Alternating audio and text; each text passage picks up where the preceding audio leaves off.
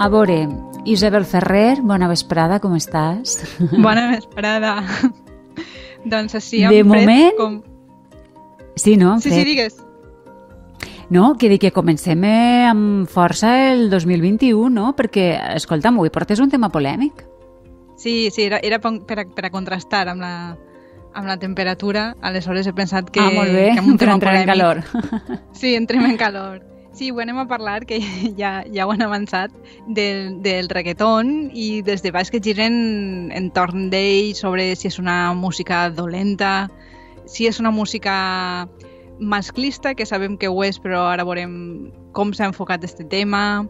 I bé, este tema un poc ve per les, eh, a partir de que s'acaba 2020 i l'artista més escoltat ha estat eh, Bad Bunny eh, Mm. en Spotify i aleshores ell arran d'això li han fet una entrevista al País, ha fet unes declaracions com sempre amb, amb polèmica, aleshores hem volgut esbrinar què hi ha darrere d'aquestes declaracions i per què el reggaeton desperta aquestes passions contradictòries entre la gent.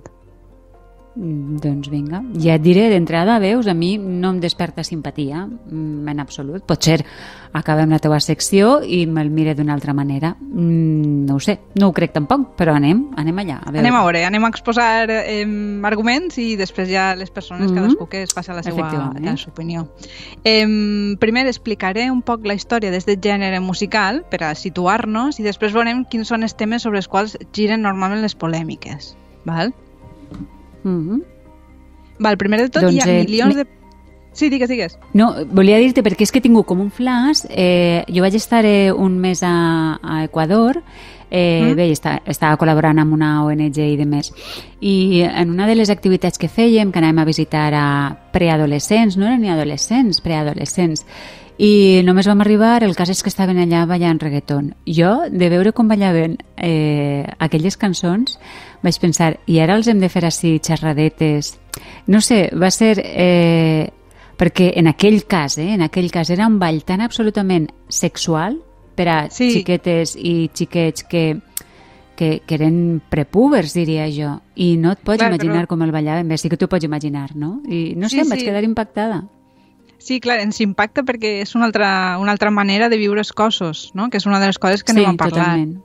Sí, Aleshores, sí, sí, és un, per a nosaltres que tenim una vivència totalment diferent per, per tradició cultural, per, per un cúmul de coses, a nosaltres ens resulta impactant, no? Però eh, justament des d'esta riquesa no? de la que hem de veure com estem valorant el reggaeton i des de quin punt de vista. Aleshores, bueno, el Mhm. reggaeton, com es pot intuir, no, no hi ha una sola persona que l'inventara, sinó que són com un cúmul de circumstàncies que mesclen, com dèiem, aspectes socials, culturals i musicals. Però si ens centrem en la música específicament, eh, Mm. sembla ser que hi ha com un acord, no?, de que, de, que és una música, el reggaeton, que és una mescla de reggae, eh, que és el que cantava Bob Marley. Eh, si, Sí. Per a situar-nos, eh, podem imaginar el Don't Woman Don't Cry, que és la cançó més coneguda, amb un altre gènere Mhm. de música de ball, que es diu dancehall, que és jamaicà també, i que seria com una evolució ballada d'este reggae i al ritme d'estos dos eh, gèneres que són jamaicans li posaren una forma de cantar que és el hip-hop, que seria com una espècie de, de rap. Aleshores, per a que tot això no soni un poc així descontextualitzat i, i, i, i, i sense un exemple, jo vos he portat una cançó de 1992 que s'ha anomenat Dembow, que un poc resumeix estos, estos ritmes ja amb, amb, amb el hip-hop. Bowcat, that's. All about see me off with you. You know, so the shabba and the line about cat too dirty. Nasty liberty. Them bow, them bow, them bow, them bow. Això, Sí, això eh, que és- a mi sí que em sona més a reggae, no? Com, Sí, però és, encara no té este ritme del, del reggaeton eh, eh, Sí. i és més semblant al, al reggae i eh, seria com té com un ritme de base que ja comença a semblar-se. De fet, el dembow és el nom amb què coneguem el ball, no? que nosaltres després coneixerem amb perreo, però són coses similars que nosaltres bueno, eh, tractem de, de, de, de forma mm, diferent, no? però escoltem el, el ritme ara, que seria característic del, del reggaeton. Give bowcat. Them bow, them bow, them bow. Jump around, girl, if you know you no bow. Or push up your hand if you know you Sí, don't este encara el dembow, però bueno, ja notem Sí, un poc el la música dos. de- Anem a la dos, Del a veure. reggaeton, no? És el tun, tun, tun, tun, que és el que marca un poc el... Esta, Ara, sí. esta.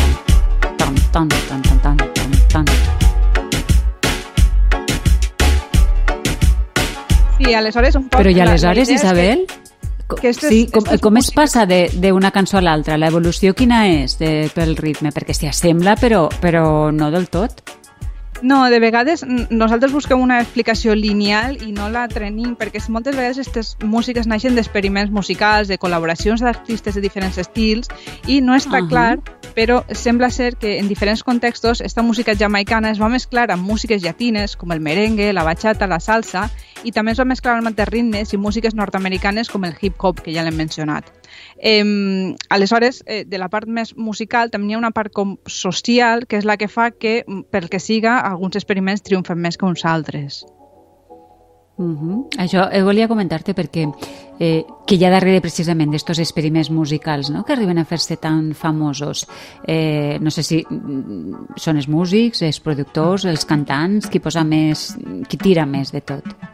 Hi ha un poc de tot, però normalment, més que parlar de persones en concret, els especialistes parlen d'escenes, és a dir, de moments, llocs i circumstàncies que produeixen certa música. I algunes d'aquestes uh -huh. músiques salten de ser músiques locals a, a nacionals o internacionals d'una forma, de vegades, que, que, que es pot explicar però en una forma senzilla, eh? amb un exemple i ja està, o amb un cas concret. I per fer un símil, podem pensar, per exemple, en molts temes de la ruta de Bacalao Valenciana que es feien en una escena local, amb músics locals, amb músiques internacionals que estaven de moda en aquell moment, però que començaron a tindre algun algo i algunes d'elles ja passaren a l'escena nacional i internacional, quan en principi era una cosa que es manejava no? en, en les discoteques d'ací. Doncs un poc per entendre l'escena i com va saltant sense, sense motiu directe Mm. Seria un, un símil.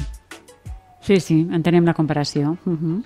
I aleshores, en el cas del reggaeton, sembla ser que algunes escenes musicals i populars de Puerto Rico varen com interaccionar amb molta de l'emigració llatina que anava cap a Nova York que aleshores Nova York sí que és un lloc amb molta més potència per a popularitzar músiques i on el hip-hop i l'estètica tenen una forta presència social. I això va passar allà al voltant de l'any 2000 i és quan comencem a sentir els temes de reggaeton, els primers temes de reggaeton que sobretot la gent de la meva generació, des de finals dels 70, principis dels 80, comencen a resultar-nos familiars perquè són la nostra música de joventut, és allò que ballàvem, no? nosaltres, i amb noms uh -huh. que ja són més familiars, no? com Daddy Yankee, la cançó Gasolina, que és bueno, un gran mític no? que també ens va sobtar molt, no? Com era de, de Pujada o Looney o, o Don Omar, no? que va ser un dels artistes d'aquell moment més, més, més, que ara ja són clàssics i en aquell moment que sonava més, no? Escoltem-no. Al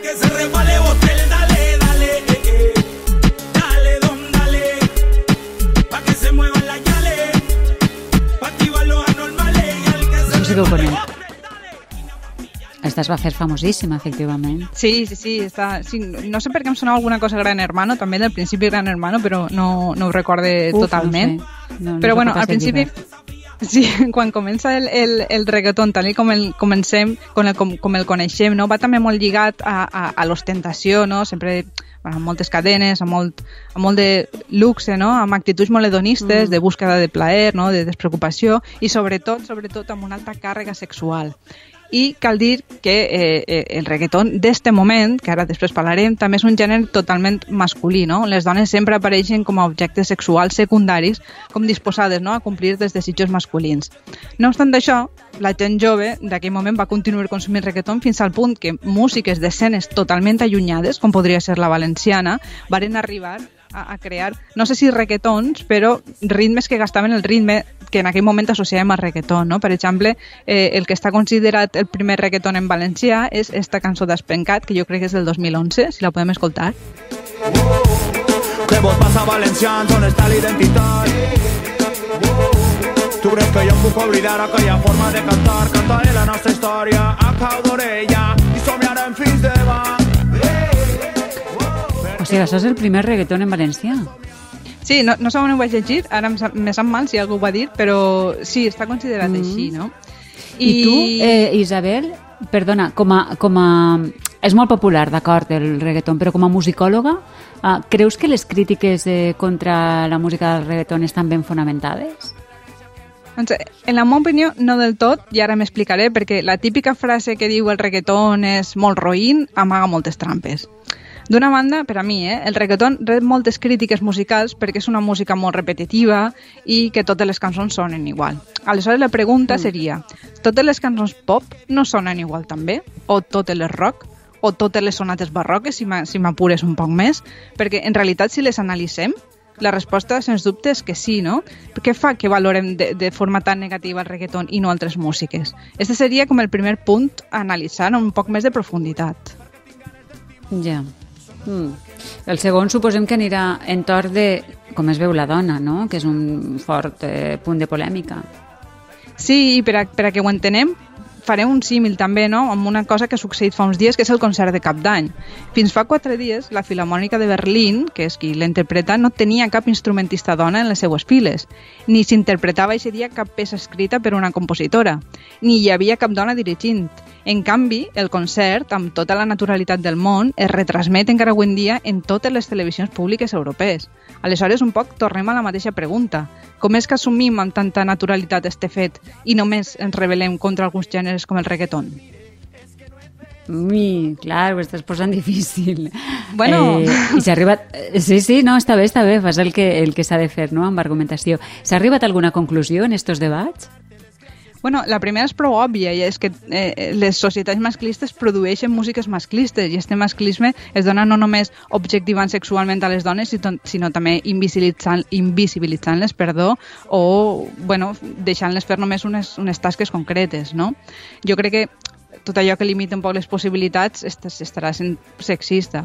I després hi ha un segon tema que no només afecta les dones, sinó a les cultures en general, que seria la valoració que, que fem d'unes coses bona o roïna la solem fer des d'un punt concret del món. No? Aleshores hi ha teòriques que s'han plantejat la següent pregunta. És millor mostrar la nostra sexualitat i el nostre cos lliurement? Perquè tots els humans tenim un cos i una sexualitat.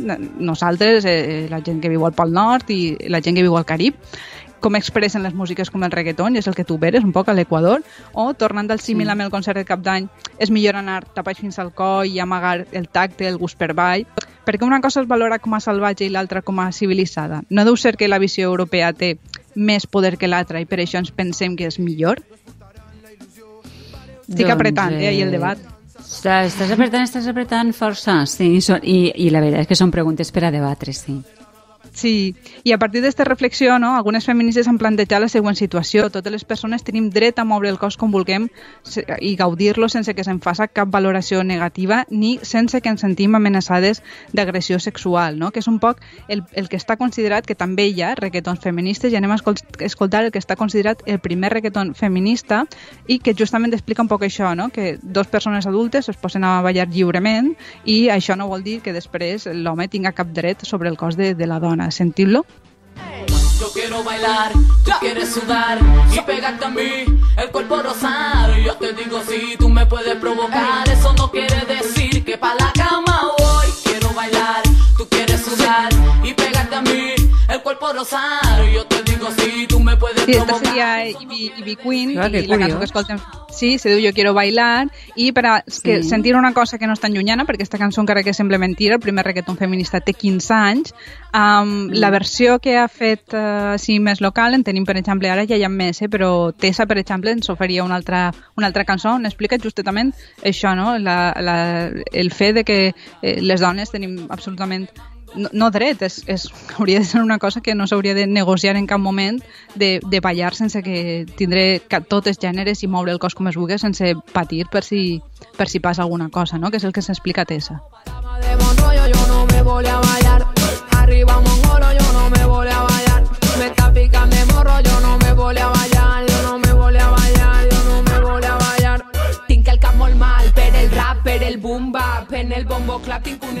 Arriba Mongolo, jo només volia ballar.